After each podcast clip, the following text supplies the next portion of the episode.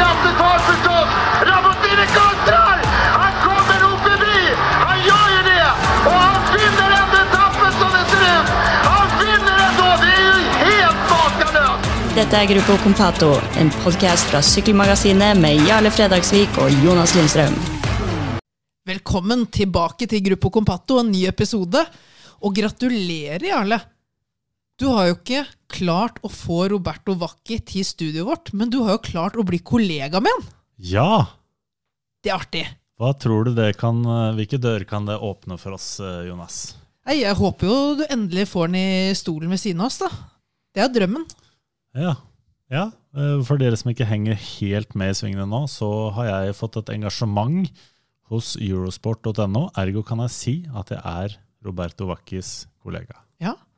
Er det mulighet for at vi kommer til å høre denne stemmen her på noen sykkelsendinger uh, utover uh, året òg, eller? Time will tell, my boy. Time will tell. Oi, oi, oi. Så jeg bare blir vant til den her eh, myke bassen uh, først som sist. Ja. Det, det er vel for godt vant til, de som, i hvert fall de som hører på Gruppe Compato. Ikke sant? Ja, men Det er godt at du er ordentlig i gang, Jarle, for det er jaggu syklisten også. Da, eh, da har vi jo på en måte Vi har jo veldig mange episoder med et, eh, om ikke kommersielt fokus, i hvert fall liksom se på den, eh, diskutere det som skjer i de store rittene, eh, lade opp til klassikerne og alt dette her. Men det fins jo så mye mer i denne idretten enn bare det her topplaget som vi får servert, og som alle bryr seg om. I dag skal vi ta og dykke ordentlig godt ned i dybden av bassenget eh, hva gjelder både norske ryttere, ritt som eksisterer, eh, utviklingsmuligheter. Eh, hva er det egentlig vi skal prate om i dag? Nei, Dette er jo enhver redaktørs drøm. da. Det er jo en artikkelserie som har vært uh, i magasinet, som nå har fått den nye brandingen Sykkelmagasinet Gruppetto. Eh, og jeg har også lagt ut en del profiler på nettsiden vår, og nå tenkte jeg at vi skulle liksom gå for det full monty, så lager vi en podkast i tillegg. Og vi skal da snakke om norske ryttere som har flagga ut uh, forholdsvis tidlig i karrieren sin, og som satser fra utlandet, og som selvfølgelig har felles mål som alle rytterne har som sykler på Team Coop Repsol og på UnoX. De ønsker å oppnå den store drømmen, få seg en proffkontrakt og kunne leve av å sykle på, på fulltid. Ja, for nå snakker vi ikke typer som Andreas Leknesund, Jonas Iversby, Widerberg. Ikke disse store talentene som har eh, dunket gjennom den tradisjonelle norske veien fram til en proffkontrakt. Nå snakker vi om de som eh, kjemper rett under overflaten blant de beste på nasjonal scene, som eh, ikke nødvendigvis har fått eh, innpass da, i disse normalveiene, disse tydelig opptrådde stiene ut i proffrekken, og som heller prøver seg på mange av de andre alternativene som finnes der ute. Ja, og vi snakker faktisk ikke om ryttere som Johannes Staune Mitte, Per Strand Hagenes, de som er ute i mer etablerte lag og er, er i forskjellige utviklingskonsepter heller.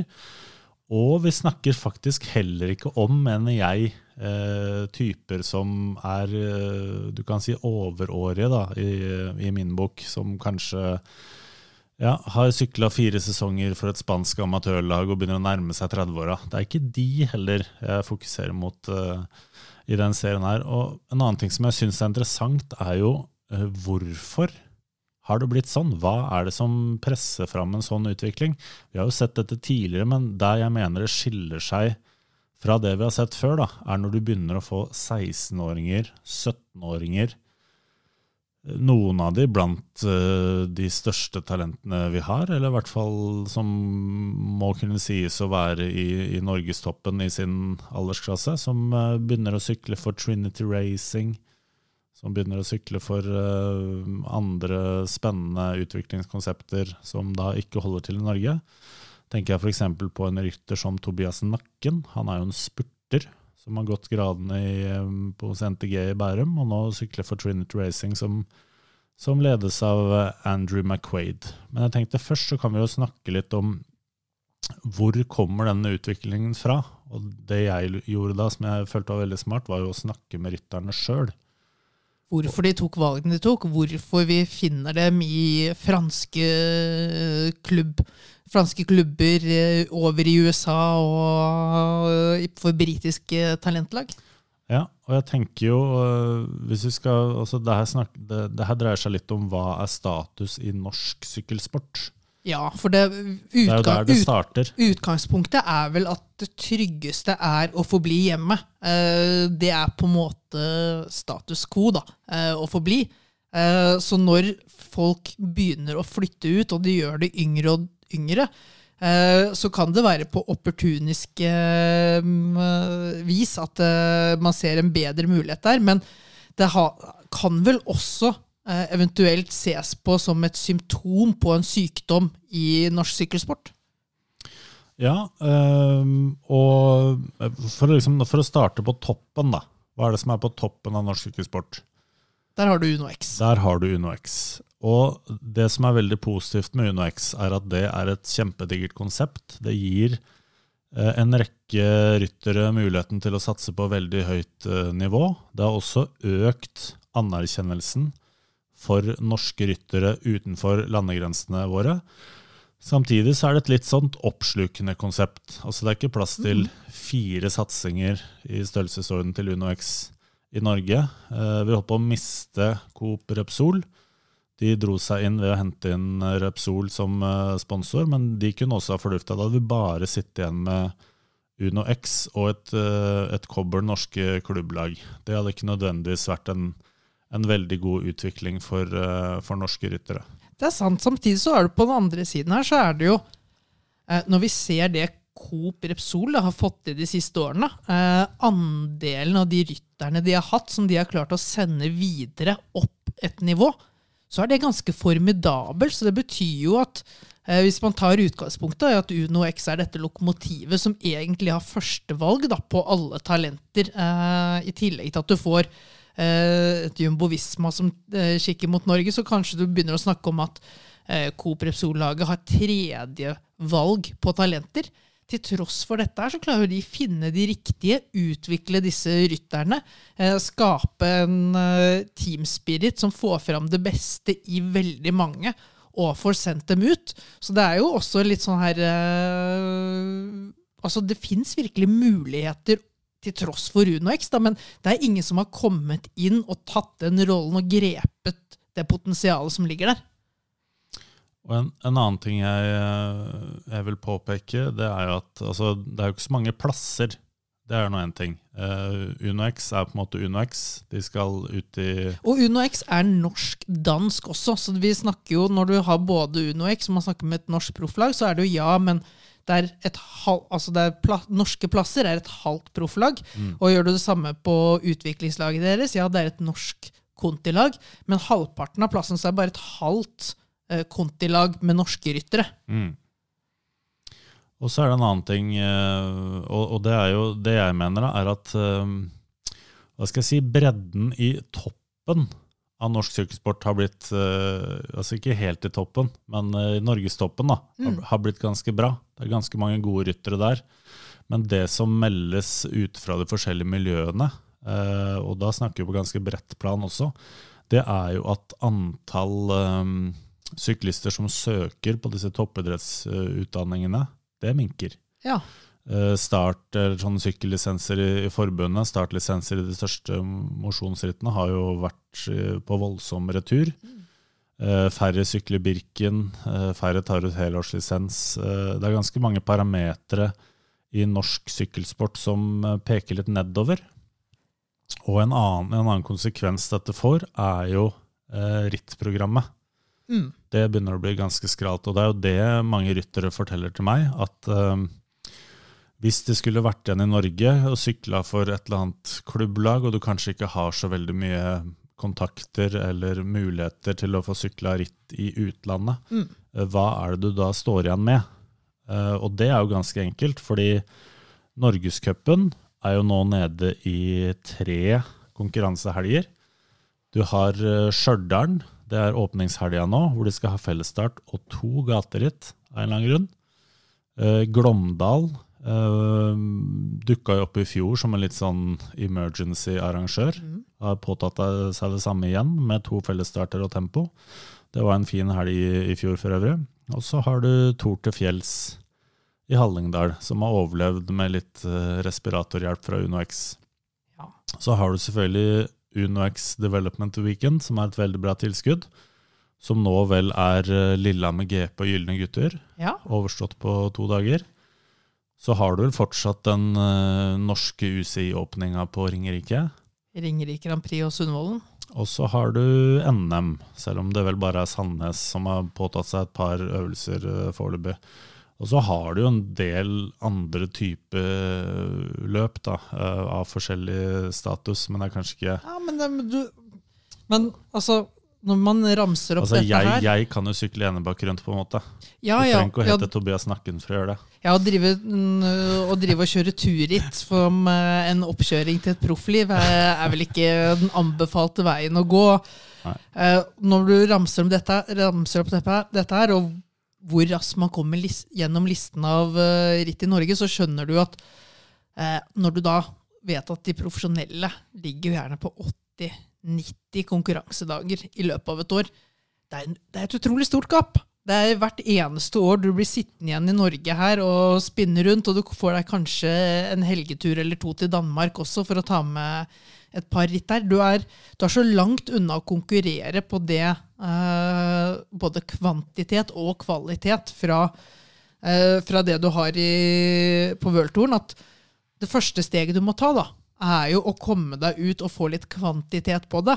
Eh, og det er jo ikke til å stikke under en stol at når vi snakker om at vi litt, begynner å få litt bredde i toppen i Norge, så er jo det ingenting til sammenligning med Belgia og Frankrike. Kommer, der kan du snakke eh, nivå 3, 4, 5 av ryttere, og det er fortsatt vanskelig å vinne sykkelritt. Så jeg tror helt klart på dette at det presser seg fram. Eh, Det er en veldig komprimert og innholdsløs sesong i Norge. Eh, Det er færre og færre, føles det som, klubbmiljøer som har eh, økonomi og gnist og energi nok til å komme seg ut. Ringerike er jo et veldig eh, godt unntak fra reglene her. De har en U23-satsing eh, som det virkelig lukter svidd av. Eh, og hadde vi hatt en tre-fire klubbmiljøer i Norge som kunne gjort tilsvarende, så tror jeg ikke vi hadde sittet og snakket om at uh, savnet av kontinentallag nødvendigvis var så stort. Men når vi ikke har det heller, eh, da begynner du å få ryttere som må søke lykken på egen hånd. Og det er jo det vi ser nå, Jarle. Nå er det nordmenn som forsvinner én og én eller to og to eh, ut til utlandet og prøver lykken der. Ja, og det som jeg har skrevet litt om i sykkelmagasinet Gruppetto, det Altså, jeg har jo valgt ut noen som jeg har snakka med. Eh, Du har f.eks. Jon Rye Johnsen, som sykler i CC Etyp. Og det er jo da fransk amatørnivå. Han skal vi snakke med litt senere i podkasten. Det blir stas. Hyggelig fyr. Han har jo også med seg en som heter Eirik Wang Aas, som uh, egentlig er fra Gauldal og som vel er en mer klatretype, som uh, har blitt, uh, fått kont kontrakt med CC-typ uh, foran denne sesongen. Og så har du en kar som heter Han har jo så mange navn, da, men la oss kalle han for Trym Holter. Ja. Men han eh, gikk jo faktisk ut eh, som proff, alt som eh, 18-åring. Yngste norske proffen noensinne, må det vel ha vært? Ja, gikk til eh, vanskelige navn, men eh, Drone Hopper eh, Gianni Savio-laget, kan vi Ja. vel bare si, kan vi ikke det? De som har gått under navnet Androni Giacatoli og sånt tidligere. ja, det var det jeg lette etter. Drone Hopper Androne Giacatoli, som nå heter Ja, nå har de flyttet til Colombia, har de ikke det? Mhm. Og blitt, eh, Er det kontinentallag, eller er det under kontinentalnivå? Nei, det er kontinentallag. Men Ja. de var jo pro conte. Det er derfor jeg sier han gikk ut som proff. Ja, og hva var det eh, lagnavnet var? Der, eh, Nå heter de GW Shimano Cidermec, tror jeg. ja. Og dette her var jo da Fly- Flytta over til colombiansk lisens. Ja, og dette her var jo da en rytter som ble norsk mester, så det sang etter på tempo i juniorklassen. Og da snakker vi i den eh, samme årstidene hvor Per Hagnes, eh, Trym Brensæter og flere andre gode temporyttere kjørte. Han eh, skulle også gjøre det helt store både i EM og VM for Norge. Og så gikk han vel på snørra i første rundkjøring, tror jeg, i, i EM. Brakk hånda, eller noe sånt.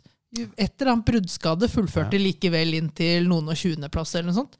Eh, så han brukte jo tempoferdighetene sine til å skaffe seg et navn da, i juniorklassen. Og så valgte han å smi mens det jernet var varmt, eh, og tok, tok muligheten. Det som jeg syns er litt spennende da, med, med Trym, f.eks. Altså, han forteller jo at eh, det var veldig tøft i starten der. Han skulle liksom fullføre videregående også, mens han uh, satsa egentlig fulltid. Eller det blir jo fulltid når du er sykkelproff, på en måte. Så det med skolegangen det gikk jo dårlig. Han sier at hvis, uh, hvis han må, må ta opp noe fag etterpå, så får det heller være. Eh, men jeg også, også, hva skjer da? Også, hvordan oppholder, oppholder en sånn rytter seg på radaren til f.eks. Sykkelforbundet? Og så følger de med på hva Trym Holter bidrar med på sitt eh, colombianske kontinentallag. Er det en mulig vei tilbake for en sånn rytter til f.eks. Coop Repsol eller Uno X, eller blir du bare liksom overlatt til deg sjøl når du tar steget så langt unna den hjemlige scenen i utgangspunktet? Da? Langt unna, ut av komfortsonen. Ja, Ja, det er jo betimelig spørsmål, og det er også her jeg tenker at det er jo veldig viktig å tenke gjennom. Vi har et forbund som lider økonomisk av det som skjedde under Bergen-VM. Det gjør at det er begrenset hvor mange ritt som eh, landslaget deltar i for junior og U23.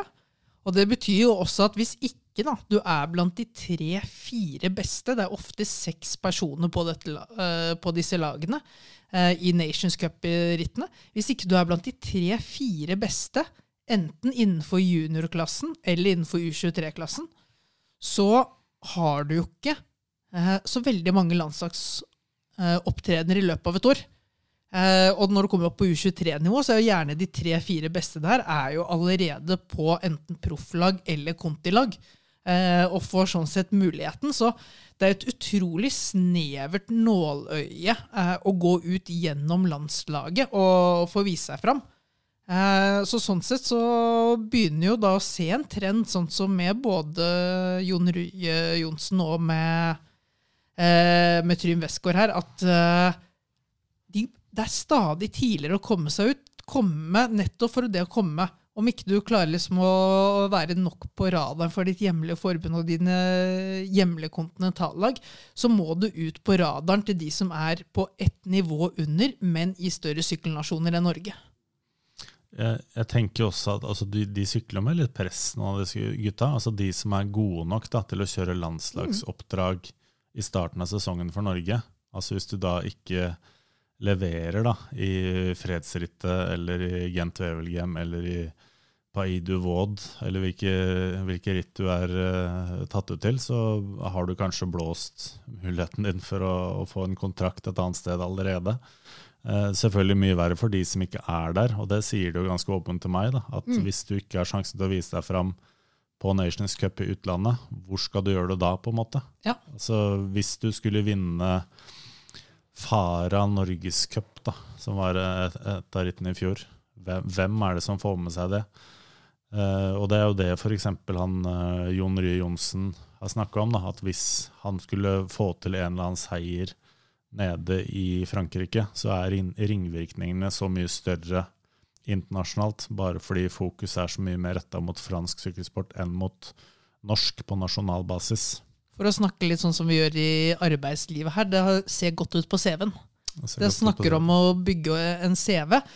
Og det er her også jeg tenker, eh, tenker da, Jarl, at det er, som, det er to, to sider av denne saken. Nummer én er at det gjelder å bygge en CV. Nummer to er at det gjelder å snakke for seg. Eh, og det er jo også eh, med dagens eh, samfunn, da, eh, hvor du har så mange sosiale medier, plattformer, å komme i kontakt med hverandre på tvers av verden. Vi har en, en verden som har åpnet opp igjen etter eh, noen nedstengte pandemiår. så er rett og slett muligheten for å selge seg selv ut også blitt større. Så det har vel også blitt en, mer jobb for en altså Hvis du skal prøve å leve da, som en fulltids idrettsutøver, en 24-timers utøver, eh, men du ikke er blant de aller beste i ditt årskull, så er vel også det nærmest blitt en arbeidsoppgave innunder det å være 24-timers eh, utøver. Det der å søke kontakter, bygge i nettverk, eh, få de Komme inn med agenter, liksom, hvor enn du får en fot innenfor da, og snakke, snakke deg selv litt opp og snakke deg til en mulighet. Ja, nå har jeg passert 40 for så vidt, så jeg er vel ikke helt i målgruppa. Men jeg må si det overrasker meg hvor mye det er som skjer via Instagram. Altså jeg kan, jeg kan vel med hånden på hjertet si at jeg aldri fått en eh, spennende forespørsel via Instagram. Men her er det altså 16-17-åringer som blir kontakta av internasjonale agentbyråer og vil du stille til en teamsamtale med oss? Ja, har, vi, eh, har, du noe konkret alt, eksempel? Alt foregår via Instagram. Nei, det er bare det er veldig fjernt fra min verden. Altså, ja. Som sagt, Det er ingen som har spurt meg om noe som helst som er interessant per, per Instagram. Ingen som har jeg... slidd into your DM? Nei. Så det der eh, yrkeslivet via Instagram, det må jeg bare si, det aner jeg ikke hvordan det fungerer. Men eh, nei, det bare slår meg. Det er liksom alle bare Nei, det starter med en melding på Instagram, og så ok. Ja, ja. Veien til å bli kontaktet er, er mye kortere. Det er, noe, det er, ingen som trenger å sende brev lenger Jarle, og vente på at det kommer fram i posten. Nei. Eh, jeg har lyst til å snakke litt om eh, tredjemann på lista mi. Han er 18 år gammel og kommer fra Stavanger. Simen Evertsen Hegerberg. Og nå skal jeg spille opp deg, Jonas. Der er det jo først og fremst et etternavn da, som klinger godt i norske sykkelører. Ja, så der er, jo, der er man kanskje litt overrasket over at dette er en av de som reiser ut. Er, man tenker vel at eh, Hegreberg-navnet burde vel klinge like godt i Team Coop Repsol som det Kulset-navnet klinger i Uno X-systemet, med, med, onkel Roy Hegreberg som eh, var vel en av kanskje hovedmannen da, bak å redde det laget. Og far Morten Hegreberg, som eh, er vel inne på trenersiden i Stavanger sykkelklubb og har mye Er en kjent mann i miljøet og i det laget der. Så her er det mye sykkelgener og sykkeltradisjoner. Da, da syns jeg skal legge til at mye av det der foregikk i løpet av uh, sommeren. Og da var det vel mer eller mindre skrevet i stein at det ikke sto så veldig bra til med Coop-satsingen, så jeg, jeg tror uh, tvert imot at de hadde veldig gode kilder. At ja. det kanskje også var en grunn til at uh, de gikk den veien de gjorde. Men det, det, som jeg, altså, hvis dere ikke vet det der ute, så sykler jo han uh, nå for KTM Tirol Cycling Team. Altså et lag som har sin base i Innsbruck i Østerrike. som er kjent for å produsere en del gode klatrere. og hvis man har fulgt med litt på på Båra Hansgrohe så har jo de alltid hatt en solid kontingent østerrikske ryttere. Flere av de har kommet fra det miljøet der. Eh, de har en juniorsatsing som heter Team Auto Eder. Et av de beste lagene i juniorklassen de siste årene. En ordentlig maskin. Emil Herzog Uh, har jo annet uh, gått gradene der. Regjerende juniorverdensmester. Yes, sir. Uh, du har vel også hatt uh, Sian Uiterbruks gjennom det systemet, som da gikk rett opp til Båra. Men nå tar de vel og formaliserer dette, denne trappetrinnstigen litt tydeligere, gjør det ikke det? Fra Autoeder via nå dette KTM Tirol opp mot Båra. Ja, eh, Den ene fraksjonen er KTM Tirol, eh, Østerrike, og den andre er jo Lotto Kernhaus, som mm. er et tysk lag. Og sammen så skal de to lagene videreutvikle Det er to FIDE-lag nå. Ja, skal videreutvikle U23-talenter, da. For å tette, tette igjen det hullet litt fra, fra junior til, eh, til World Tour, som mm. selvfølgelig er veldig stort for alle andre enn Tadej Pogacar. Og, og det skulle jeg egentlig nevne i stad også. For denne suksessen til Remco Evenepool, Tadej Pogacar, Egan Bernal, det har også gjort noe med hvordan man i utlandet jakter det, det siste store, det, det neste poeng. nye. Og de, og de, jakter ikke lenger i de tradisjonelle sykkellandene i Belgia, Nederland De jakter via Instagram, gutten min. Det er der ja. det skjer. Og så altså, jakter de, de jakter Hva er også. aldersgrensen på Instagram? Hva er det du ikke jakter via Instagram, si? Eh, men ikke sant, det er jo Eh, Jeg føler man har åpnet opp øynene veldig. da. Altså Den neste store tingen kan, neste store kan komme fra Norge, kan komme fra Danmark, kan komme fra Slovenia, eh, kan komme fra Slovakia. eh, Kan og, komme og kan det komme kan- fra Slovenia? Nei, kan- det visste jeg ikke. Slovenia, er ikke de kjent for skiskyting og kan komme fra tradisjonelle eh, sykkeloppvekster, kan komme fra eh, skihopping, kan komme fra langrenn, kan komme fra padling, fra roing. ikke sant?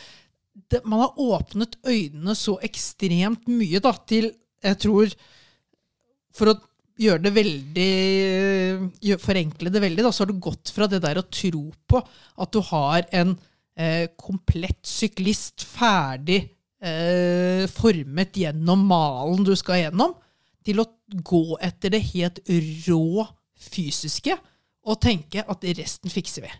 Og det rå fysiske, det er det man er på jakt etter hele tiden.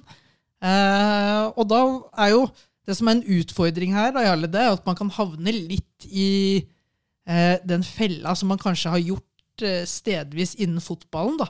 At det handler så mye om å eh, hamstre inn kvantitet, hente inn så mange folk at du kanskje ikke har nok tid på enkeltindivider. Eh, at frafallet blir stort, at det kan ende opp med en litt sånn kast og bruk-kultur. Ja. Og så blir vi litt historieløse, for det her starta helt sikkert med Boasson Hagen og Petter Sagan egentlig lenge før det. Men eh, i dag så blir man veldig sånn Pogacar og Remco Evenepool. Jo, jo, de, er liksom, de har flytta grensen enda mer, da. Men altså, det her har alltid vært et fenomen. Altså Tom Bowen og han slo gjennom. Altså, det var jo selvfølgelig Alle lagene ville jo ha han.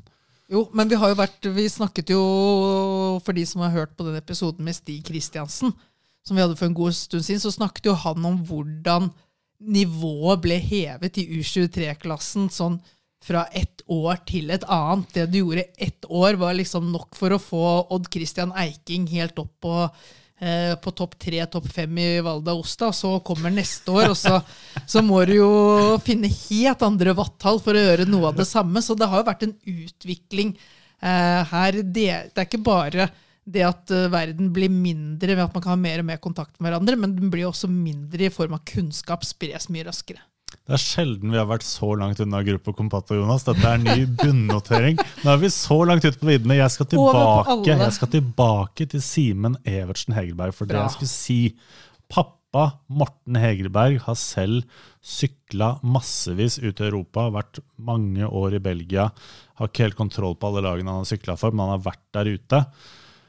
Han har hatt en plan her som man ikke så så tydelig da sønnen spilte fotball og squash hjemme i Stavanger, men da han ble dobbelt norgesmester i ungdomsklassen, da skjønte man også at Simen kom til å bli syklist.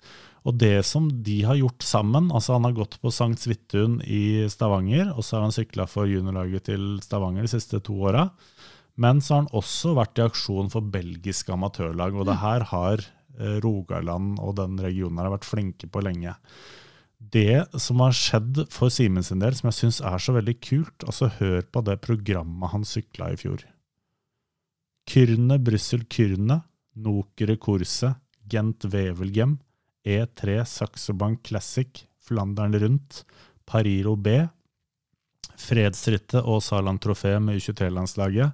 Juniorlandslaget. Ja, unnskyld. Eh, Val Romei, Hobel Stavelot og Keiser des Juniores, bare for å nevne noen. Han sykla altså det Da, da kommer du ut av eh, juniorklassen eh, ganske godt forskodd. Da har du fått prøvd deg på mye av det som venter i et proffliv eh, senere i karrieren. Ja, og altså Match det her, da, fra en eller annen Tytteberg-grend i Norge. Det, det, det, det går jo ikke. Eh, I tillegg da at uh, han gjorde det såpass bra i, helt i starten. da. Han var jo litt on fire når han sykla Noker eh, Kyrne i starten der. Fikk noen eh, agenter, selvfølgelig via Instagram, fra Team Vision, er ikke det det heter? De har jo også agenturet til Per Strand Hagenes, Ja. for, for å nevne noen. Og har jo nå havna midt i talentpoolen til Bård og Hansgrohe. Selvfølgelig kunne han sykla for Coop Repsol, men jeg syns jo det her er nauta spennende, da. Ja, Det er helt nydelig. Det er en fantastisk spennende vei å gå på. Der tror jeg vi nordmenn skal være Vi skal titte oss selv i speilet. Ja, vi skal kunne slå oss selv på brystet over at vi har en utrolig god eh, idrettskultur. Vi har masse ressurser, mye eh, som taler for at det beste er å utvikle seg i Norge. Men vi må også titte litt ut, og vi må være så ærlige og si at norsk sykkelsport har dominert mye mer i, på juniorsiden og U23-siden det siste året enn det de har gjort i eliteklassen. Det er ikke sånn at vi enda er der at vi kan slå oss selv på brystet og si at vi er best i klassen på å utvikle proffryttere. Vi kan ta en, eh, en, annen vei ut. Eh, det er også via eh, hva skal jeg si, brødre- eller søskenforening ute i Belgia. Cannibal Racing er det et lag som heter. Ja, Der har hatt noen norske inne med, innom. Ja, jeg må si jeg ble forvirra når, når, jeg ser um, Altså Han som ble Tobias Nakken da han ble norgesmester, så altså, blir like mye referert til uh, Ringerike som Cannibal for uh, hvilket lag han sykler på. Uh, og du har jo også en som heter Kasper Rode. Mm. Som, han, han, og Tobias Nakken sykla for dette Cannibal-laget i fjor, et belgisk amatørkonsept. og i år så er de blitt rebranda og fått navnet Cannibal Be Victorious. Oi, her begynner det å skal ikke, skal ikke score altfor høyt på en IQ-test for å skjønne at her er det en link mot uh, Bahrain Victorious. Eh, det stemmer. Og her også er det altså da, i, i det moderne Det er jo trender, selvfølgelig, i, i moderne sykkelsport. Uh, og det disse har gjort, da altså Nå skal jo alle ha en egen herresatsing, damesatsing, U23-lag, juniorlag. ikke sant? Yes. Uh, Cannibal Be Victorious er juniorsatsingen, mens Team Friuli er ny rekrutteringsbase for U23-talenter. Ja. Så han Kasper Rodesen snakker om, han er uh, opprinnelig fra Larvik. Han er 17 år gammel. Uh, sykler også for Glåmdal, for han går på NTG Kongsvinger. Men har også muligheten til å konkurrere i masse kuleritt for en belgisk arbeidsgiver. Ikke sant? Dette er jo det som er veldig bra når du kommer helt ned på juniornivå. At det er ikke snakk om enten-eller. Det er ikke sånn at du må flytte ned, bo der eh, året igjennom, eh, gjøre deg til en belger. De henter deg inn og tar deg inn eh, periodevis i sesongen. Gir deg den ekstra matchingen, og så drar du tilbake og fortsetter din skolehverdag i Norge. Konkurrerer i Norgescup, konkurrerer i NM og bygger deg opp. Eh, så det er jo et, et, tillegg, en mulighet til å hente erfaring. Og det er nok en dør jeg tipper flere og flere norske juniorryttere junior vil åpne i årene som kommer. Og så har vi en vi er nødt til å stoppe litt opp med, Tobias Nakken. 18 år, opprinnelig moldenser. Regjerende norsk mester. En spurter. Virkelig sånn Det er jo ikke alltid når du kommer i juniorklassen at du har en veldig definert ryttertype. Mange er litt allround-ryttere som senere utvikler seg til noe, men han er en spurter. Han var nede i Watersley Junior Challenge i Nederland, vant åpningsetappen. Og da, sikkert via Instagram, tok Andy McQuaid kontakt, som er sjefen for Trinity Racing. Sønn av tidligere sykkelpresident eh, Pat McQuaid. Også agent. Jeg agent, vet, uh, vært i sykkelsporten veldig lenge. Jeg vet ikke det er, hvordan det er mulig å kombinere alt det her, men han er opprinnelig jurist. da. Uh, så han slo jo bl.a. Vlad van Mechelen på oppløpet der. Et av de eh, største talentene fra juniorklassen i fjor, det. Jeg tror etappen var i underkant av åtte mil. Og Det tror jeg er noe som passer nakken ganske godt. Altså, I, i god sånn Cavendish-ånd da, så har han en motor han skal fortsette å bygge litt på. Hvis du ikke klarer å kjøre han før oppløpet, så kan det hende at du, i du havner i trøbbel. Det, er, det, skal være et saftig kick på den gutten der. Eh, og jeg syns jo det er veldig gøy at vi har spurtere på vei opp, for det er en stund siden vi har hatt en norsk yrkessport. Ja, ja.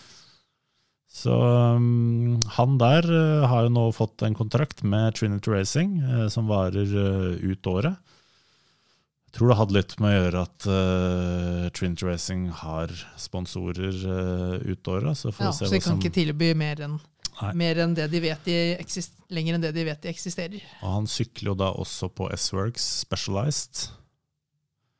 som Trinity-laget bruker. Så jeg skal ikke dra denne eh, Cavendish-hypen altfor langt. Men vi har, jo, vi har jo sett ham på det tidligere i karrieren. Uh, Du sår et frø her nå. ja, ja. Uh, faktisk så er han tidligere terrengsyklist. Og vant et par etapper i fjor i Danmark, i Randers Bike Week. Vant også um, i Norgescupen. Ja, gjorde han ikke det? Ble norgesmester, selvfølgelig. Og Ronde van Berg. Antony, det er jo ikke det største. Jeg tror den seieren i Nederland var vel en, det var døråpneren for hans del. Ja, Det er klart også når du vinner NM eh, etter at eh, man får eh, plukket inn eh, Jørgen Nordhagen med en kilometer igjen, og så stikker du og tar spurten. Det, det er klart det gjør seg også. En annen som vant ganske mye i fjor, han, eh, nå går vi enda lenger ned, han fikk jo også noen meldinger på Instagram da, som 16-åring. Ja. Marius Innhaug Dahl. Og nå begynner vi å snakke eh, noe av det yngste vi har opplevd når det gjelder å, å, å ta en veldig stor mulighet, og få en veldig stor mulighet i sin karriere. Når, når du signerer inn på et fransk lag som Det er mange av disse lag, land, lagnavnene du sier nå, Jarle, som sikkert ikke gir eh, så mye mening for alle lytterne, men det lagnavnet du skal komme på nå, med denne rytteren som gjør seg klar for sin første av to sesonger i juniorklassen, det, det er noe som eh, gir gjenklang. Er det Arjedus R du mener? Yes. Ja. Og her har vi jo et lag som eh, Nå har vi jo snakket om eh, litt eh, av disse her eh, trinnmodellene som kan være litt vanskelig å følge med. da. Et juniorlag som heter noe, et utviklings-U23-lag som heter noe helt annet, og så har du på toppen av pyramiden et profflag med et helt tredjelag. Men Anche Dusser de har et Anche Dusser U19-lag, de har et Anche Dusser U23, og så Anche Dusser profflag. Ja, de, de skjønte greia tidlig. Ja, de har brandet seg selv gjennom hele, så her er det en helt åpenbart link og en mulig vei å gå, da. Det, det jeg kan, Hvis jeg skal si litt om bakgrunnen hans, da, så jeg syns det er litt gøy at nå får han jo Reidar Borgersen som uh, trener på Vang sykkelgymnas i Tønsberg.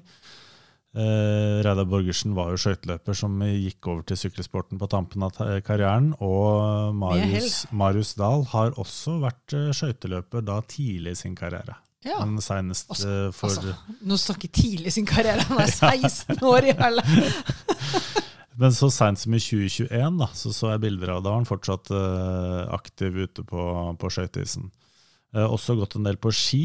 Uh, jeg kan si sier selv at han vant 20 seier i 2022, fordi det begynner å bli på et nivå så det er litt vanskelig for meg å dobbeltsjekke dobbeltsjekke alt mulig. Men han, eh, han er en veldig Han har også en god avslutning, eh, spurtertype. Men han vant også eh, en etappe i Youth Tour i Roskilde etter at han gikk solo de siste fire mila. Ja, Så det han, er solid. han kan finne på litt av hvert. Youth Tour er ikke noe man skal børste under teppet. Det er mange storheter som har vist seg fram i det danske etapperittet der. Så, men jeg, altså, igjen, da, vi må si at dette er en uh, ung gutt. Uh, han har starta veldig bra. Uh, I den alderen her, så altså, Noen er tidlig utvikla, andre er seint utvikla. Det er store forskjeller på, på ungdommen i den tida der, så han skal få lov å forberede seg litt i fred. Kjempekult at han har kommet seg inn i et internasjonalt miljø. Går fortsatt på Vang, skal fullføre skolen der. Blir holdt i øra av Reidar Borgersen. Eh, får ikke lov å finne på noe tull. Pappa Dahl er også veldig godt engasjert, så jeg tror han har veldig trygge og fine rammer, rammer rundt seg. Og Og han starter ikler seg Ange Dusser-drakta for eh, første gang nå til, eh, nå til helgen, Jarle. I juniorutgaven av Nukker Kors. ja, det, Tatt ut der, så det, det blir jo veldig spennende. ja, han var ikke i aksjon i Kurdene. Han var ikke i aksjon i Kyrne, så dette her er jeg ganske sikker på at blir hans uh, første ritt uh, for det laget, så der må vi bare ønske han lykke til. Så tenkte jeg vi skulle gå for en av dine favoritter, uh, Jonas. Martin Kjøtta. Ah, ja. jeg bare gruet meg til du skal etablere hashtaggen 'shut up about kjøtta'. For det, det har vært mye kjøtta-snakk på meg de siste par årene, og jeg mener med veldig god grunn. For en rytter. Hvorfor er du så glad i Martin Kjetta? Det er, det er noe med at dette her er typen som har fightet for seg selv. Eh, akkurat Vi har vært inne på dette litt tidligere. Akkurat ikke god nok for å være fast medlem av juniorlandslaget til å få muligheten i U23-laget. Ikke eh, blitt funnet verdig en plass inn i UnoX-systemet. Han hadde vel et tilbud av Coop Repsol nå eh, foran kommende sesong, men måtte virkelig kjempe seg til det. da. Eh, stått en del for seg selv, fått muligheten i dette Ringerikslaget og grepet den eh, når Ringerike U23-laget dro ned og ikke bare kjørte belgiske kermisritt, men begynte å delta i klubbritt i Frankrike. Så var han der hele tiden. Eh, grep mulighetene eh, og har gått fra å være eh, kanskje litt sånn som leverer innimellom, men ikke fast, til å være utrolig stabil. Og jeg tenker uh, uansett hvilket nivå du sykler på, så er jo det viktigste å få til før du er klar til å ta steget videre, er å skape en stabilitet i prestasjonene. Og det fikk han så til de grader til gjennom fjorårssesongen. Og han har startet på like fantastisk vis den sesongen. Kan du legge til på Kjøtta, da. Han er fra Bærum, eh, 21 år gammel. Eh, sykler for Bourg-en-Bresse Syklism. Uh, som de har uh, Jeg tror de har basen sin uh, utkanten av Lyon. Mm. og dette Bourg-en-Bresse-laget de fulgte jo med på han fordi han herja for Ringerike, som du var inne på. Mm. Når de sykla løp i, i, Frankrike. Han sykla jo U23-utgaven av Paris Tours for de. Ja. De har også et samarbeid med Arkea Samsic. Ja, for det er vel ikke et direkte sånn, Det er vel ikke direkte lag under, men det er vel et av disse, lag, et av disse lagene som har en god kontakt med Arkea, som de ser litt ekstra mot. Og mm. uh, sikkert slik at uh, toppledelsen der uh, spør, spør uh, de som styrer det laget der, og en del andre lag, da, er det noen som skiller seg ut. Så han har faktisk vært innom der på en treningssamling allerede. Uh, og også vi ser jo han har begynt å fyre allerede på, i den nye sesongen. Levere gode resultater. Seieren mangler vel, men har noen pallplasser og er jo nesten alltid inne topp ti. Ja, han mener jo selv han ikke er helt i, i toppform, men jeg syns han ser bra ut. Ja. ja, jeg er helt enig. Og dette her er jo en, en artig artig type. Litt uh, unorsk uh, punsjør uh, som liker at det blir en utskillelse. kjører smart, ikke hodeløs, syns jeg, men evner alltid å være med i de riktige og avgjørende bruddene. Og det er, det er, ikke bare bare på litt lavere nivå. Du kan snakke om at det kanskje på World så snakker du om bare liksom at det er kapasitet, men her må du også ha et godt ritthode for å følge med på de riktige støtene i disse franske eh, klubbrittene. Så har det har en eh, vass avslutning så lenge det har gått litt kupert underveis, blitt litt utskilling og ikke de reneste spurterne er igjen. Eh, og fått, fått selvtillit og klart å klart å prestere jevnlig, og er nok nå typen som er på et nivå hvor uh, han føler at han bør ha en seier, både nå og da. Og det, da er du på et uh, godt nivå. Jeg tror dette her er uh, Av de vi snakker om i dag, så er nok dette her mannen som er nærmest en proffkontrakt. Nærmest å ha nivået inne for det. Drømmerittet hans er jo Liège-Baston-Liège. Ja, det passer, det, det sier, sier passer litt, bra. Litt om typen. Nevnte du NM i fjor? Jeg nevnte ikke NM i fjor. Jeg syns det er så deilig god. å nevne det. Gjør det. Ta resultatlista der fra toppen av, og så skal jeg stoppe deg når det holder. Der har du vel eh, Rasmus uh, Tiller som uh, norgesmester. Ja. Så fikk du en sølvmedalje til Alexander Kristoff. Ja. Fikk du en bronsemedalje til Edvald Boasen Hagen. Ja. Og så lurer jeg på om ikke Martin Kjøtta var uh, førstemann, og da tror jeg ikke vi kan snakke om en sur fjerdeplass, egentlig. Det er en ganske imponerende fjerdeplass. Ja, det er ganske vilt. Nei, Martin Kjøtta, han, eh, jeg har faktisk ikke snakka så mye med han før, men det var veldig gøy. Uh, han er en, uh, en litt sånn annerledes cool type. Går, går sine egne veier, som du sier. Det skal bli kjempegøy å følge med på han videre. Jeg gleder meg. Så bra. Never shut up about Kjøtta. Det var hashtagen sin, det. Og hvis eh, Kjøtta er den som er nærmest eh, et proffeventyr, så må vel Trym Brensæter eh, stille seg som nummer to i køen. Kan jeg stille et spørsmål om kjøtta? Ja. Er det KJ som i kjøtt, eller er det TJ som i kjøtt? Det er meg likende rivende. Det er helt likegyldig. Du må huske at vi har mange Rivende unge lyttere. Rivende likegyldig. Så lenge det går an å dytte det inn i et ordspill, så er jeg fornøyd. Ok. Da skal jeg fortelle at Trym Brensæter er 19 år, faktisk, skulle tro han var eldre, eh, fra Råholt på Romerike, og har tatt sin sykkelmessige utdanning ved NTG på Kongsvinger. Ja. Og sånn som jeg har eh, skjønt det mellom linjene, så han ble jo signert av EF Education Nippo Cycling i fjor, og, eller under fjorårssesongen, og fant seg ikke helt til rette i det laget der. Nei.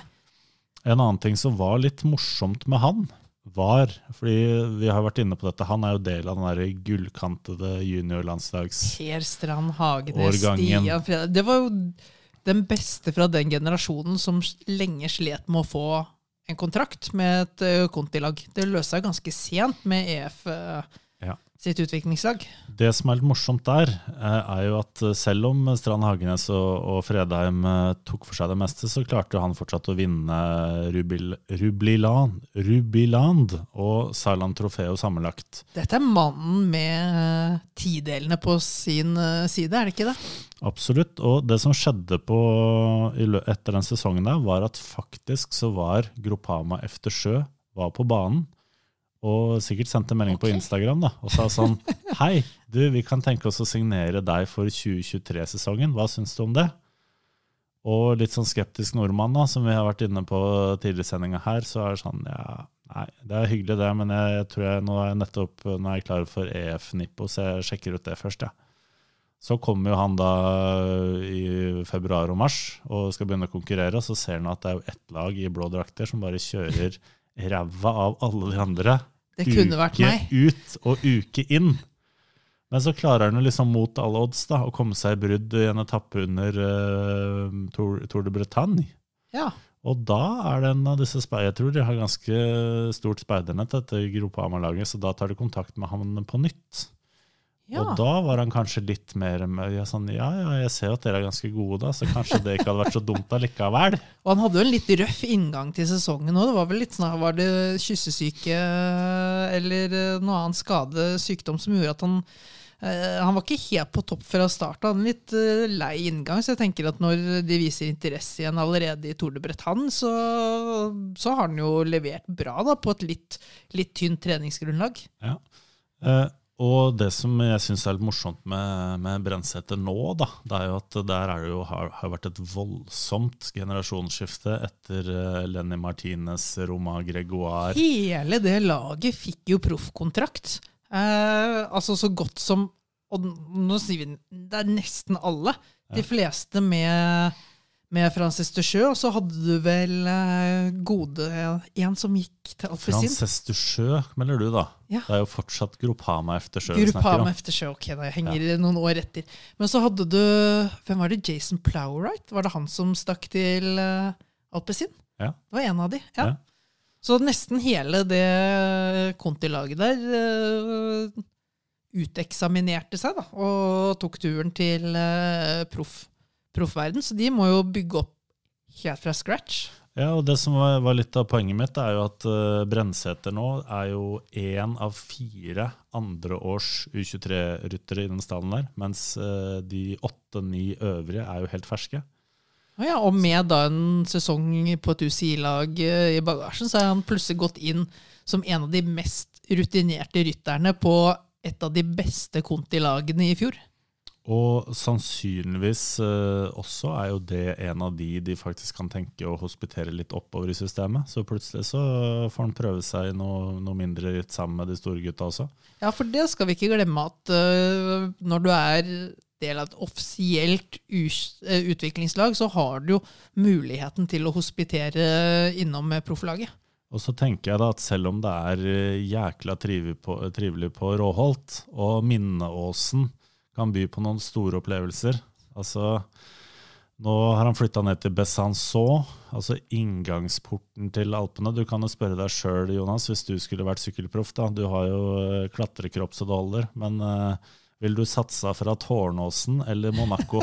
For å være, hvis du jeg- skal være helt ærlig. Jeg, jeg tror nok jeg ville ta turen nedover. Uh, det er ganske spektakulært å få lov til å sykle rundt i Alpene. Og han er jo en ryttertype som uh, kler det miljøet godt. Eh, gikk bra i bakker, veldig sterk tempo eh, i juniorklassen. Eh, trenger jo litt tid selvsagt å, ta nivået blant, blant seniorene, men jeg tror når du har når du har blitt headhuntet, ikke bare én, men to ganger av, av dette laget her, da, da har du kvalitet.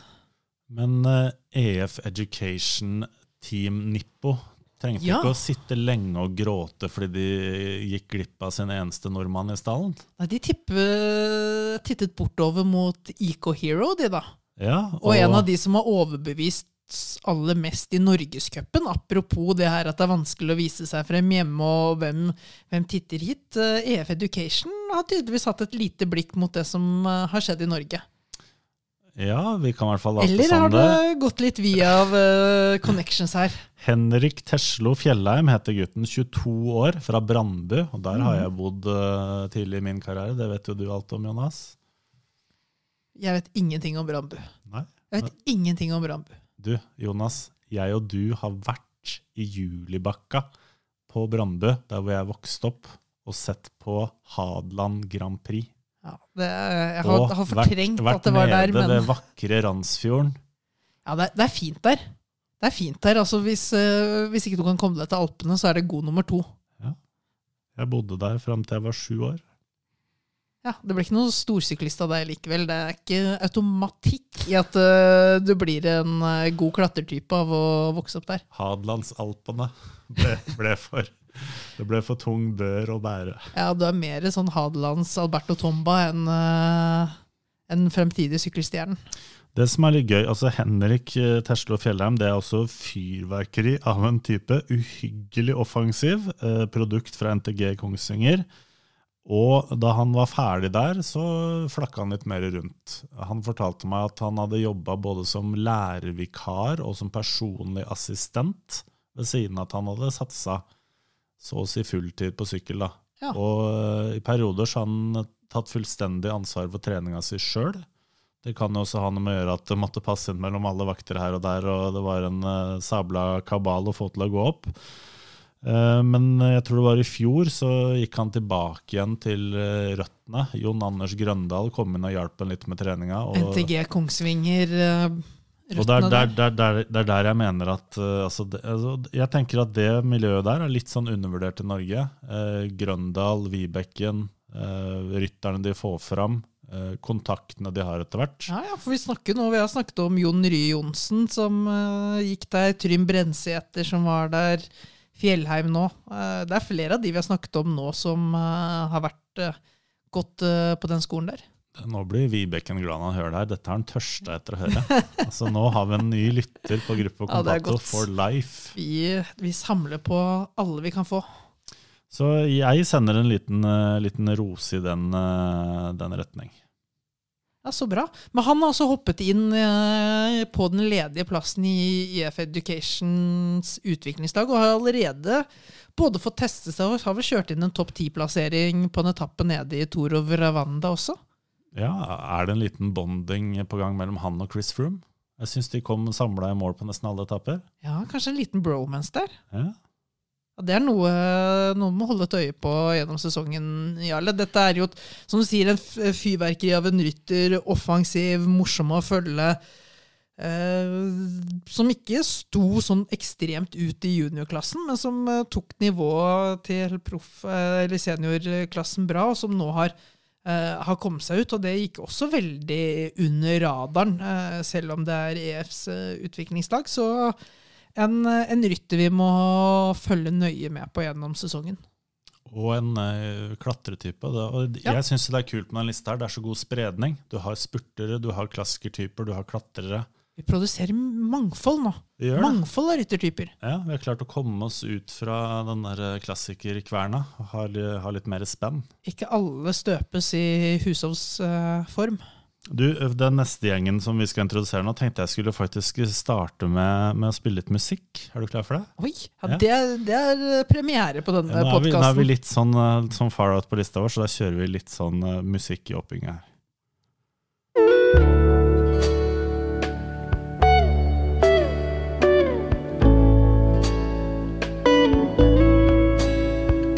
You hurt me, you won't be the first. Hva tenker du, Jonas? Nei, nå hørtes det ut som at vi har beveget oss eh, bort fra Brambu. Ganske langt bort fra Brambu. Nå er vi på Chris Christofferson, en av de store countrylegendene, og vi befinner oss på den amerikanske landevei. Sy syns du jeg klarte å sette stemningen? Altså, Eller blei det for voldsomt brudd med det du er vant til her i podkasten? var det et taktskifte? Så absolutt. Det, det som jeg prøver å, å, å spille opp til her, da, altså vi jeg og du, Jonas, vi lever jo voldsomt kjedelige A4-liv, som bare blir kjedeligere og kjedeligere for hver dag som går. Altså, jeg, er hvert Og jeg trives så godt med det. jeg har så jo godt. familie og bor i Drammen og har gjeld og ja, sitter og ser på TV-serier. Alle godsaker og som følger med det å bli eldre. Har en uh, Volkswagen Passat og skal vel uh, sikkert kjøpe meg hund i løpet av de neste fem åra. Altså, jeg er rimelig satt. Ja, det, livet ditt er farget i sort-hvitt. Ja, hvordan Det er ikke så mye farger. Nei, mitt uh, er jo et uh, ganske A4-liv, det også. Det går jo i jobb, Uh, en venn her, en venn der, en kjæreste og, og sykkel. Det er jo stort sett det det går i. Litt mer musikk. Nå, nå skal vi sette tonen igjen. Ja, for nå Dette er, dette er ikke helt A4, Jarle. I was a highwayman. Along the coach roads I did ride. Jeg håper vi slipper å betale sånn toneavgift og sånn. Dette, dette kan komme til å koste oss dyrt, Jonas. Det kan koste oss dyrt, og jeg er jo veldig imponert over at du valgte å dra med den gode, gamle CD-plata di inn i samlinga di inn i studio. Ok, Torbjørn André Rød Det er dit du en, skal. eh, er en eh, norsk syklist, 25 år fra Asker, eh, som heter Han har sin base, og nå gjør jeg sånne klammetegn i studio her, i Grand Junction i Colorado. Men da jeg snakka med han, eh, det var vel sånn type midten av eh, januar, så vet du hva han holdt på med da? Nei. Han drev og flytta seg rundt i vestre delene av USA i en van. Norges Lachlan Morton! Kjørte rundt på jakt etter sol og fine veier å sykle på. Ja, Det er så Lachlan Morton-stil, det. Ja, Dette her kan bli en ordentlig Dette her er jo en vi burde trykke til vårt bryst. En Ja, ordentlig det, det gjør vi jo. Ja. Ja. Uh, og grunnen til at han er med på den lista her, da, og nå, vi er litt sånn, uh, nå er vi litt sånn offroad, men han sykler jo for et lag som kaller seg Above and Beyond Cancer. Altså er det en type ideell organisasjon da, ja. som har uh, satt opp en sykkelsatsing, og så profilerer de seg da via merkenavn, eh, slogan sitt, og, og har noen ryttere som sykler for dem, og, sykler for de, og nå har de ikke mindre enn tre norske ryttere. Det samler tre norske ryttere der. Yes, Men alle er jo ikke like loka som uh, Torbjørn André Rød. er Er det, er det favoritten? Er det liksom uh, I denne, i denne smågodtposen din fra Hvem- USA? Hvem av barna dine liker du Ja, best? Vi hvilke, hvilke av vinylplatene er det du setter mest pris på? Det er eh, Jeg skal, nevne, jeg skal nevne Sindre Wesser Brein og Iver Skårseth. Og det som sender disse i dette, denne delen av verden, er en som fellesnevner, er Colorado Mesa University, CMU. Ja, så her er det utdannelse og idrett hånd i hånd, slik eh, amerikanerne gjør mer storstilt og, Og eventyr. og eventyraktig enn eh, de fleste andre. I was a highwayman.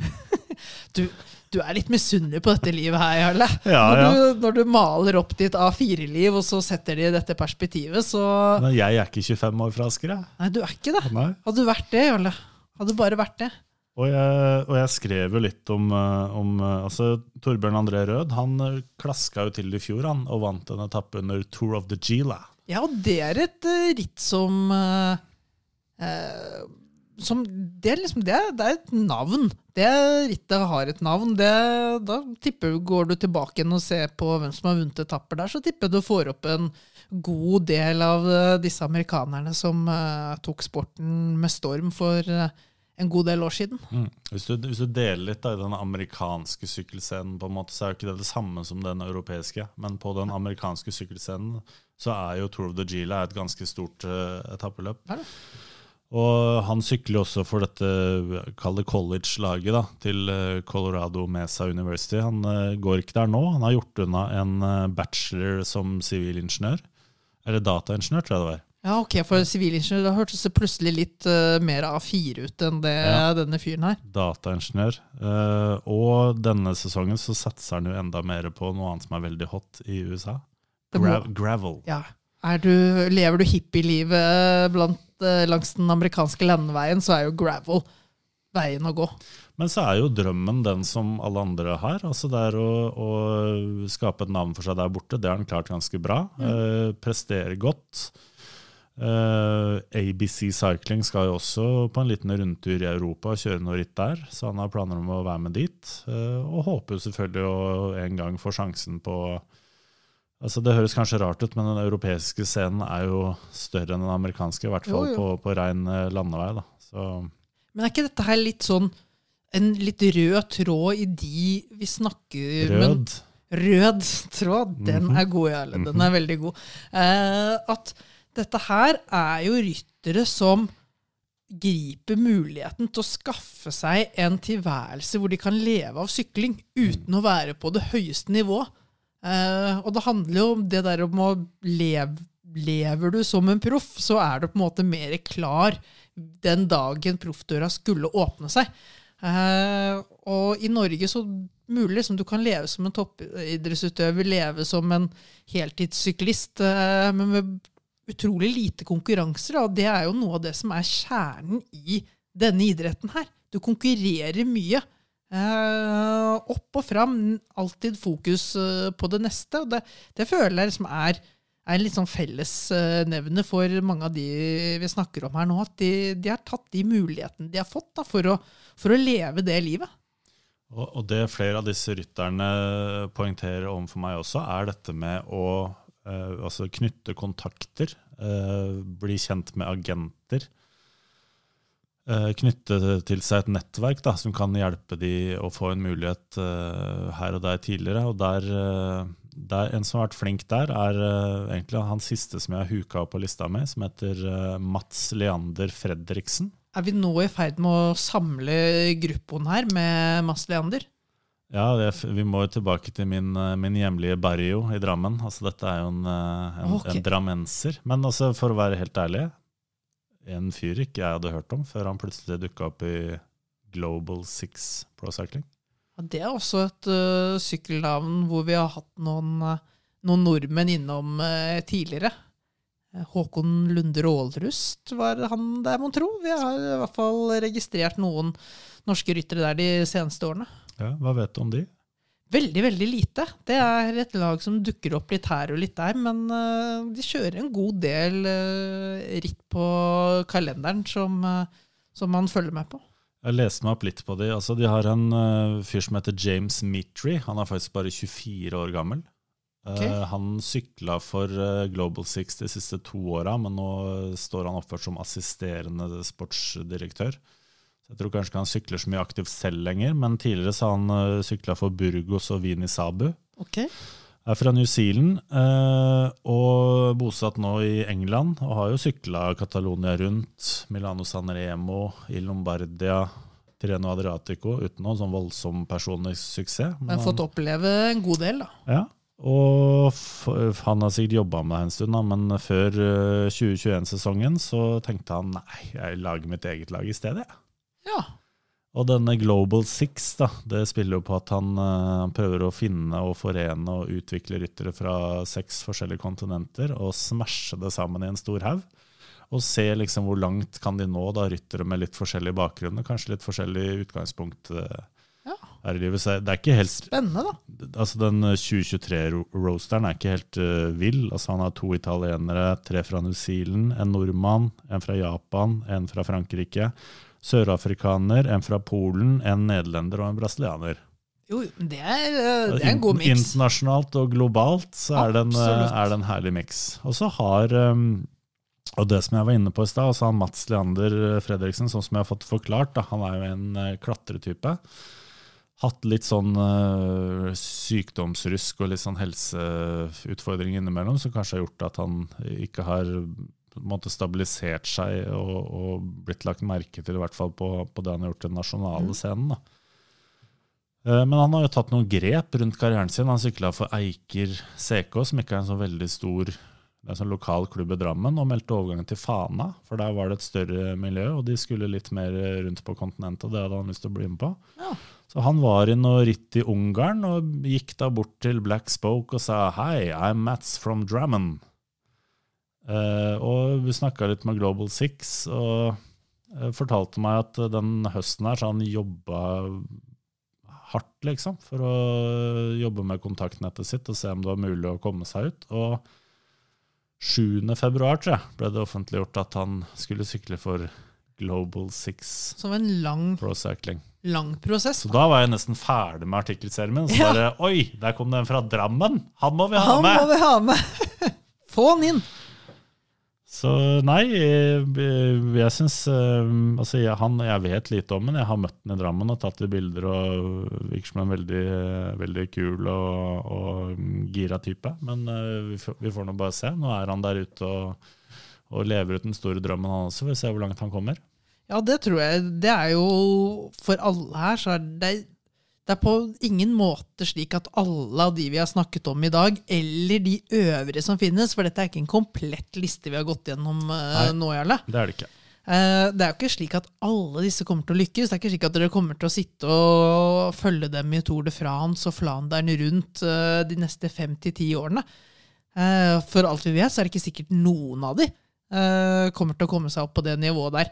Men dette er jo folk som gir det et forsøk. Eh, Som eh, må se etter alternativer, andre veier fram til målet sitt.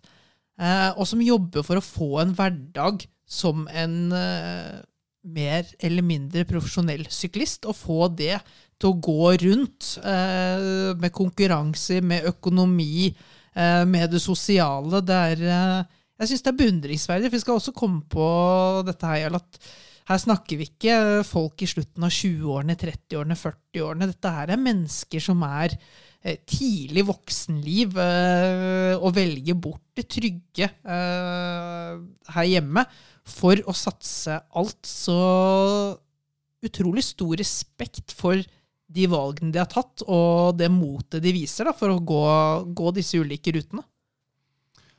Eh, før vi drar ned på Le Brasserie på Grünerløkka og bestiller oss en Café gourmand, så skal du få en siste oppgave. Jeg kikka på lista nå, vi har vært gjennom alle de i hvert fall jeg hadde gula ut. Så vi skal ha for det. Men hvis du må velge, å bruke hjernen din, Jonas, du skal velge en av de vi har snakka om nå, som du tror det er størst sjanse for at blir casta til Mesternes mester i løpet av de neste 10-15 åra, hvem velger du fra Compattos fremmedlegionske talentliste? Jeg må gå for kjøtt, da. Jeg stoler Jeg legger alle egg i den kurven der. Det har jeg gjort i halvannet år nå, og jeg står på det. Eh, men jeg må også få lov til å komme med et lite tips, eh, Jarle. Nå skal vi jo snart få lov til å høre eh, Jon Rye Johnsen. I was a highwayman la, la, la. Oh, nei, sorry. det er ikke det tipset. Tipset Kan jeg kjøre den i utroen, og så bare drar vi lyden ned? Ja, du, du kan okay. få gjøre hva du vil. Du er teknisk ansvarlig og enehersker, diktator, hele pakka. Tipset til dere lyttere er gå inn på nettsiden til First Cycling. Når du kommer inn der, så får du se eh, resultatet fra proff, eh, proffverden. Så fins det faner for junior og for amatør. Klikker du deg inn der, så får du resultatene fra diverse juniorritt og mindre ritt i Frankrike, Belgia, Italia, overalt. Og før du vet ordet av det, så ser du et norsk flagg på toppen av resultatlistene. Kanskje en av de vi har pratet øh, om i dag. Og da kan du kose deg med at du vet litt mer enn resten av verden om akkurat denne rytteren. Da Jarle, er det vel bare for deg å kjøre din eh, musikk ut og rett over i en overgang med intervju til, med Jon Rye Johnsen fra Frankrike. Da har vi fått storfint uh, besøk, Jarle. Vi pleier å ha navn som Stig Kristiansen, Kurt Asle Arvesen, P. Strand Hagenes. Og uh, selv om kanskje ikke lytterne er like godt kjent med Jon Rye Johnsen som disse her, så er det minst like artig for oss uh, å ha ham på tråden. Uh, er du nede i Frankrike nå, eller? Yes, det, det er jeg. Takk for å ha meg her. Kjempehyggelig. Uh, for øyeblikket så har jeg bosatt meg i Frankrike igjen over etter nyåret. Så, så her befinner jeg meg ut sesongen i hvert fall. Ja, for du, du, er en av de som reiser ned og blir der. Ikke, det er ikke pendling eh, fram og tilbake mellom uh, Norge og Frankrike mellom hvert ritt? Nei, for min del så, så, hadde, så er det jo en preferanse som laget også har, at, eh, at vi bor her. Så, så for min del så, så, ser jeg det egentlig bare på, som en lettere måte for min del å slippe å pendle frem og tilbake også. Eh, så, så spesielt når vi har ritt nesten hver helg, så føler jeg på en måte at eh, jeg sparer mye på å ikke reise frem og tilbake fra Norge. da. Det, det, eller, altså, nå sykler du for CC Etup, Jon, og du har jo fortalt meg at uh, at dette er et veldig godt lag, og de er så hyggelige at de kjører opptrekk for deg innimellom og sånne ting. Men uh, jeg lurer på om du kunne altså, Du har jo vunnet en del som, uh, som, junior også. Kan du ta oss litt igjennom hva du fikk til tidlig i karrieren? Altså, da tenker jeg sånn 2019, 2020, 2021-området. Ja. Um, Juniorsesongen var jo var litt uh, opp og ned, følte jeg. Men allikevel så, så syns jeg at jeg fikk til å komme gjennom junior perioden ganske, ganske greit. Eh, sånn resultatmessig så, så, så, gjorde jeg det helt, helt OK. Eh, sånn, sånn, i 2020 så hadde jeg som førsteårsjunior så hadde jeg kanskje ikke det beste, det beste året, men eh, å, å, få inn en norgescupseier i Skogn, det syns jeg, jeg, var veldig gøy. Ja, for der, der, der slo du noen brukbare ryttere, mener jeg, husker jeg. Ja, da, da slo jeg både Per Sand Hagnes og Oskar Mys Johansen. Så, så, å få det resultatet, det, det syns jeg var gøy. Å vise frem at jeg, at jeg har de styrkene i junior, også, spesielt som førsteårsjunior. Det syns jeg. Jeg har jo sett et resultat fra noe som heter Museum Classic også, hvor det står at, uh, at du uh, sykla for Suid Vest Nederland. Uh, kan du fortelle litt om, om den perioden der? Ja, det, stemmer det.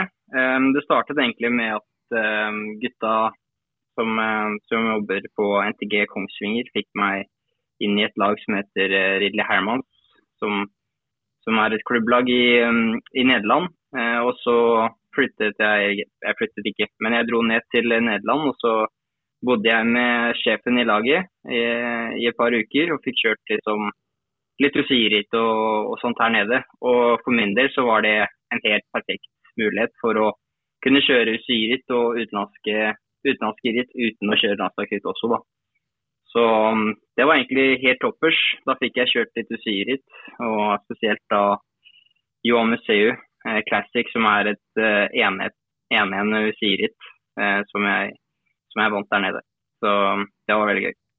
Og der var det ganske brukbar eh, startliste òg. Tibor del Grosso, Vlad van Mechelen, Alex Segart var på startstreken der. Men uh, du klarte å stikke av med seier fra spurt i en mindre gruppe? Ja, det, det stemmer det. det.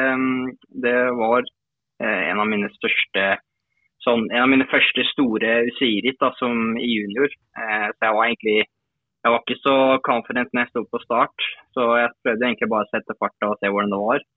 Og så klarte jeg jo da å skape et uh, relativt uh, bra brudd, og så ble det jo bare mindre og mindre. og så når vi kom inn mot mål da, så, så, så satt jeg igjen som den beste spurteren. da. Hvordan vil du beskrive deg sjøl? Altså, det er jo tydelig at du har uh, klassikeregenskaper, men uh, der du er nå, da, så kjøres det litt opptrekk for deg. Er du, er du en reindyrka spurter, eller er du en klassikerrytter med god avslutning, eller hvordan vil du definere deg sjøl i dag? Ja, altså jeg prøver jo fortsatt å jobbe med maskinen min eh, og utholdenheten. Eh, selv, om, selv om sånn som det er eh, per dags dato, så, så vil jeg jo anse meg selv som en, som en spurter. da. Eh, og kanskje, kanskje klare å, å kjøre noen bra klassikerresultater inn dette året her. Det hadde vært eh, kjempegøy. Eh, så jeg liker litt sånn eh, harde klassikerritt også. Så jeg ser meg selv som en, mest som en spurter, men jeg tror også at jeg kan klare å komme over noen harde klassikeritt. Tror jeg.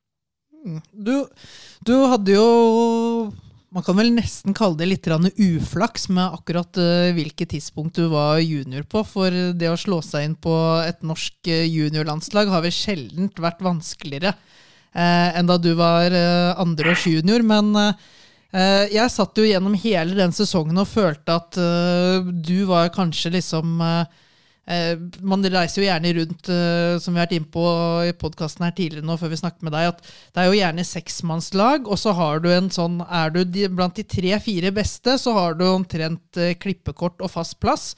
Eh, og er du utenfor det, så blir det litt færre opptredener. Og du, jeg så, anså deg kanskje som eh, nummer sju eller nummer åtte da, i rekka, altså rett utenfor den derre topp seks som uh, uh, fikk reise rundt. Hvor nærme følte du at du var å bli en fast del av det landslaget, og hvor Altså, hvor mye taper man da på å være den nummer sju, nummer åtte, kontra den være nummer fire, nummer fem, når det gjelder internasjonal matching gjennom landslaget? Ja, det, du har helt rett i det. altså. Um, så for min del så, så følte jeg jo at uh, jeg sto liksom litt, litt mellom, uh, midt imellom. Uh, og spesielt når man hadde jo folk som Per Strand Hagenes og Stian Fredheim, så, så ble det vanskelig å, å, kunne klare å komme inn på, på, på landslaget. Så sto, Jeg fikk jo kjørt to um, landslagsritt i Rubilan og i Saarland. Um, men uh, det ble, det ble, de to. Det ble ikke noe VM på meg. Uh, jeg følte jeg sto følte jeg at uh, når de hadde en så sterk vinnerkandidat, så, så tror jeg at det var helt riktig valg av Kai å ta ut noen som kanskje er bedre hjelperyttere enn det jeg er. da. Så, så, Sånn sett så skjønner jeg på en måte, på en måte valget hans også, med tanke på hvor gode resultater de hadde det året. og at det på en måte ble det faste laget. da, fordi det det viste seg til å, til å føre til resultater. Eh, så det har jeg god forståelse for. Men eh, ja.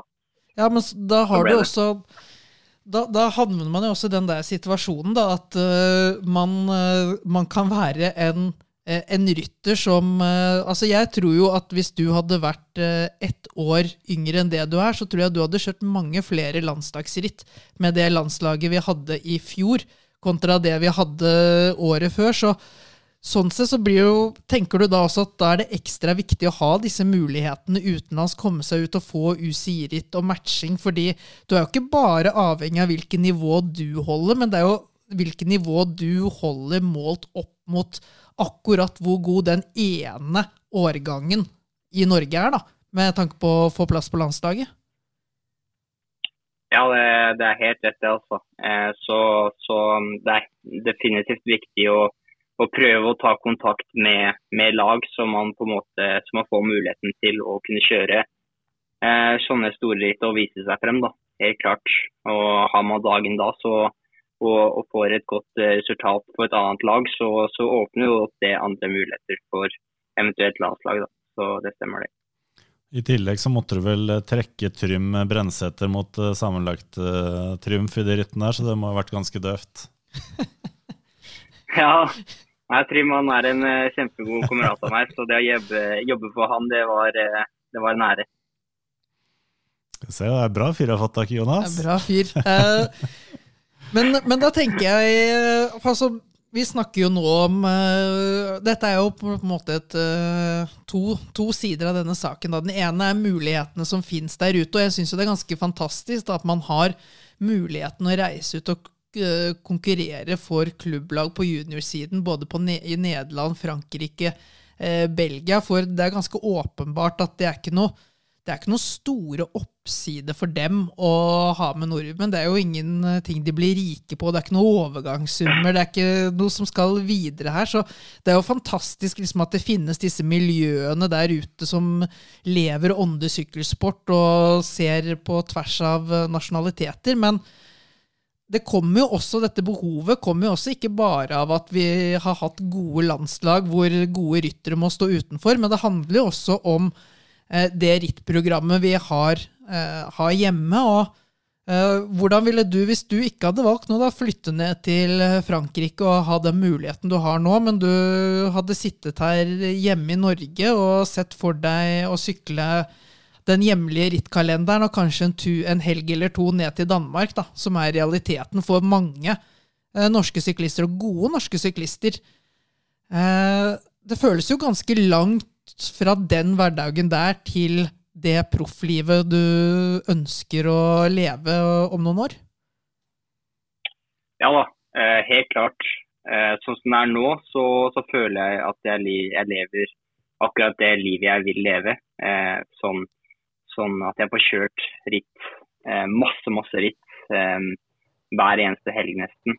Så som du sier, å kjøre på et norsk klubblag. Da blir det, da blir det de faste rittene, norgescupene som er hjemme, og de, får, de to siderittene. Og så blir det jo eh, noen turer til Danmark.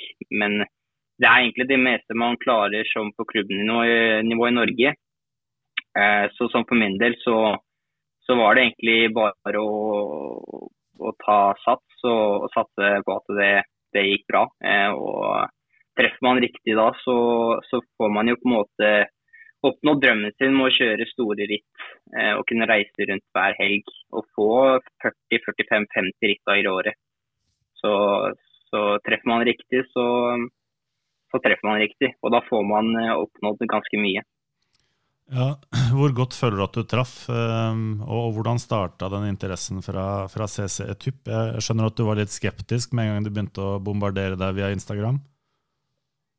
Ja, Nei, altså jeg ble jo kontakta av eh, en agent i laget. Um, og så var jeg veldig kritisk og skeptisk i starten, egentlig. Fordi jeg har jo, har jo hørt hvor konservative franske lag er og med angående mat og litt sånne ting, og vekttap og alt det greiene der, som vi, som vi fleste vet om. Um, så jeg måtte jo sette meg ned og gjøre mine research. Og rett og slett uh, bare fortelle at uh, gi, meg, uh, gi meg noen uker å tenke på og så skal jeg komme til en konklusjon. Så, så fikk jeg jo satt, satt meg inn i, i, systemet og fikk snakka med DS i laget og litt sånne ting. Og spurt litt forskjellige ryttere på laget hvordan de, hvordan de opplever laget. Eh, og da valgte jeg egentlig bare å stole på hva jeg hørte, fordi jeg får jo ikke noe annen måte å, å får ikke noe annet eh, å få vite, vite, på en annen måte. Eh, og da, da, valgte jeg rett og slett å sykle for CC Tup i fjor, siste halvdel av sesongen, bare egentlig for å se hvordan, hvordan det var. Og, og, hvis det ikke funket, da, så, så, følte jeg på en måte ikke hadde tapt så mye på en halv sesong, og så hadde jeg fått kjørt masse ritt. Eh, og hvis jeg eventuelt traff, da, så, så, er dette noe jeg kommer til å gjøre neste år også, som, som det konkluderte med. da. Så Sånn sett så følte jeg egentlig at jeg traff egentlig helt perfekt med laget. Eh, for laget er ekstremt bra på utvikling, eh, og så har de organisert laget veldig bra. De har orden på alt, og så får du muligheten til å kjøre kjempestore ritt som, som man ikke hadde klart å kjøpe med, med andre lag. da. Vet du noe nå om hvordan 2023-sesongen din kommer til å se ut? Altså hva som er de, de viktigste rittene for, for, din del? Jeg har jo, jeg har jo rittsesongen oppe. Um, så egentlig det nærmeste som blir uh, målet for nå, det er den franske cupen. Den franske cupen henger ekstremt høyt i Frankrike. Og Vinner du den franske cupen, så, så, så, markerer du deg som, som veldig veldig sterk. Og, og profflagene ser jo dette med en gang. Um, så da blir det jo Det første blir Bordeaux-Sand i um, 19. mars. og så kommer jo vi inn mot mai, og da blir det jo Vi skal jo kjøre Paris-Roubais bl.a., som også blir eh, ganske spennende å se hvordan det kommer til å gå. Eh, men det gleder jeg meg masse til. Og så kjører vi jo f.eks. ritt som Liège-Baston-Liège. Eh, for min del så tror jeg kanskje det blir litt i hardeste for min del. Litt mye, litt mye klatringer. Eh, men så har vi jo Paris-Troyes og så Rondolas. Eh, masse store UCI-ritt som, eh, som passer for meg. Og så kommer jeg til å gå all in for det, rett og slett. Så sesongen er fullstappa med UCI-ritt og stor storritt som jeg kan vise meg frem på. For oss nordmenn da, som er vant til, eller som, som ser da, at vi må over på nyåret før det i det hele tatt melder seg noen eh, norgescuparrangører, og må du liksom klare så vidt å lirke fram en og annen som eh, tar på seg et sykkelritt, så, så er dette ganske stor kontrast. Du har jo, her snakker vi liksom en U23-kalender som er eh, eh, Du sitter jo bare og plukker og kan lese fra, fra en lang liste. er... Eh, er, har du blitt litt sjokkert over hvor, hvor stor denne sporten er uh, i Sentral-Europa? Hvor mange ritt det finnes? Hvor, uh, hvor, hvor, mye som skjer? Ja, jeg, ble, jeg ble, ganske satt ut. Fordi er det ikke et ritt som passer deg den helgen, så, så er det et annet ritt som, som, du kommer til å kjøre og, uansett. For det, det, kommer nye sjanser hele tiden. Så det er helt klart at um, når det er så få norgescuper, så får man trent ganske mye i mellomtiden. Og, og, og, man må jo prestere akkurat den dagen det er Norwich Cup, så, så, det er ganske vanskelig. Um, mens, mens, her i Frankrike da, så får du på en måte Om du gjør et dårlig resultat her eller der, det har ikke så mye å si, for det kommer nye muligheter hele tiden. da. Så sånn sett, så, Og man kan ikke prestere hver gang heller. Uh, det, det, kan man ikke. Men når det er så mange ritt, så, så, så er det klart at du får uansett da, i løpet av en sesong så får du vise deg frem. Eh, I hvert fall for, eh, for vise deg frem på den sterkeste måten eh, som du kan gi. da. Og det tenker jeg, det må jo gjøre at du har jo et mentalt, altså et mindset her som er mye likere det å være proffrytter eh, enn man ville hatt i Norge. da. Altså kjøre på hjemlig her. Du det er liksom sånn ok, men det går dårlig i dag, jeg rister det av meg, og så er det opp i ringa igjen i morgen og fighte, og det er i dag så får jeg et opptrekk, i morgen så kjører jeg for, for lagkameraten. Altså du, du, lever jo ånder sykkelsport uh, på en måte som er uh, på mange måter minner veldig mye om det proffrytteren gjør, da. Ja da, eh, det, det, føler jeg. Og jeg, jeg kan trygt si at jeg hadde ganske mye høyere skuldre når jeg kjørte norgescuper enn det jeg har eh, den dag i dag, når jeg vet at jeg kjører så mye ritt som jeg gjør. fordi på norgescuper så blir det høye skuldre, du vet at du må prestere. Så det blir jo litt press på den måten. Eh, mens nå som jeg vet at det kommer nye sjanser hele tiden, så, så blir man mye mer avslappa. Så, så, er det ingenting som er bedre trening enn ritt. da. Så mm. hvert eneste ritt er en kjempegod, kjempegod økt som jeg kan eh, dra med meg videre. Jeg tror du lærte en viktig lekse ganske tidlig, Jon, og det er at verden trolig ikke kommer til Tjodaling, men at du må bringe Tjodaling ut i verden. Ut i verden. Ja, ja da, det, det, det, stemmer det. Men eh, ja, jeg føler at jeg må representere Tjodaling. Det må jeg, vet du. Tjodaling var det. Du, du skal få et lite pro-tip av meg. Har du, når du er ute og har trent, og så skal du Du lager sikkert mat hjemme, da. Hvis du er på restaurant en gang, har du prøvd å spørre om å få en uh, kafé gourmand? Nei, det, det, har jeg ikke. Det kan jo være en litt så langefinger til disse kostholdspetimeterne i fransk sykkelsport er det det du har fostret opp på, Jarle? Det, det, er også, For å forklare det, så er det på en måte dessertenes tapas. Så da får du gjerne en espresso, og så får du sånne småretter som er satt sammen av det de ellers tilbyr på menyen. Så du kan risikere å få espresso sammen med f.eks. crème brulé, sjokolademousse, panna cotta og tiramisu.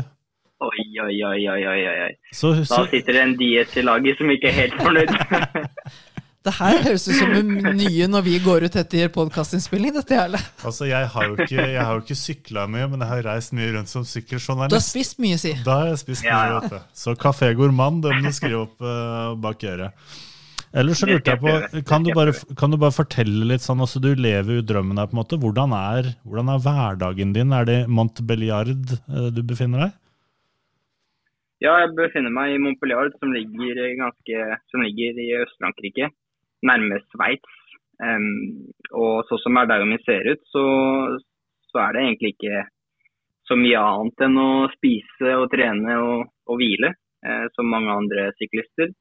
Men, uh, men det å bo her, er, uh, spesielt nå, er helt fantastisk. Altså, jeg kan stå opp når jeg vil, jeg kan eh, legge meg når jeg vil, og, og, og treningsforholdene er helt perfekte. Jeg har, jeg har bakker som er rett i nærheten, og så, så, så er det jo relativt tørt ute også. Så, så gjennom, gjennom hele siden januar så har jeg sykla på landeveissykkelen hele tiden.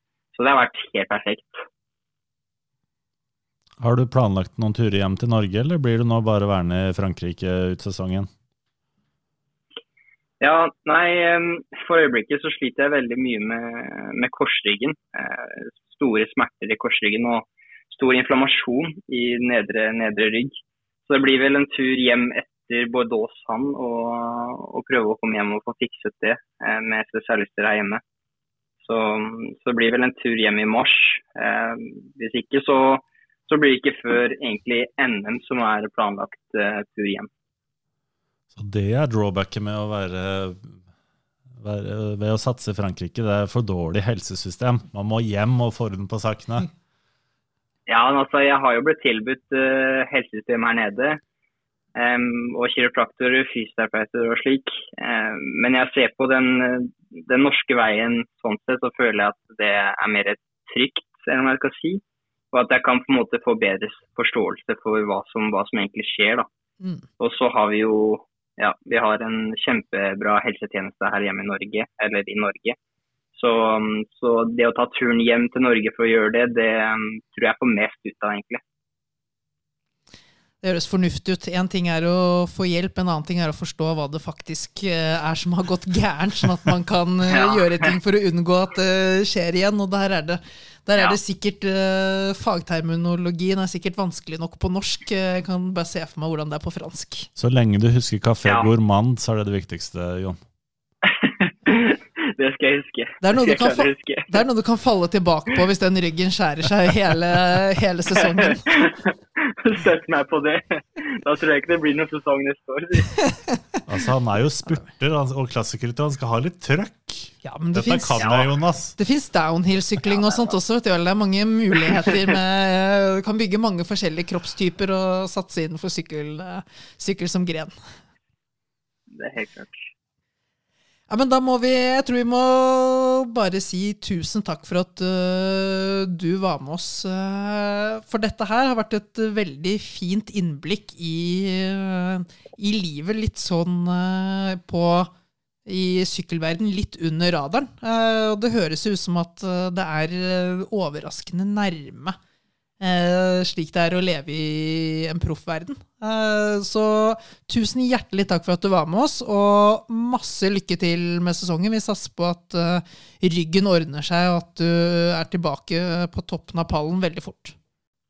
Takk for det. Takk for å ha meg.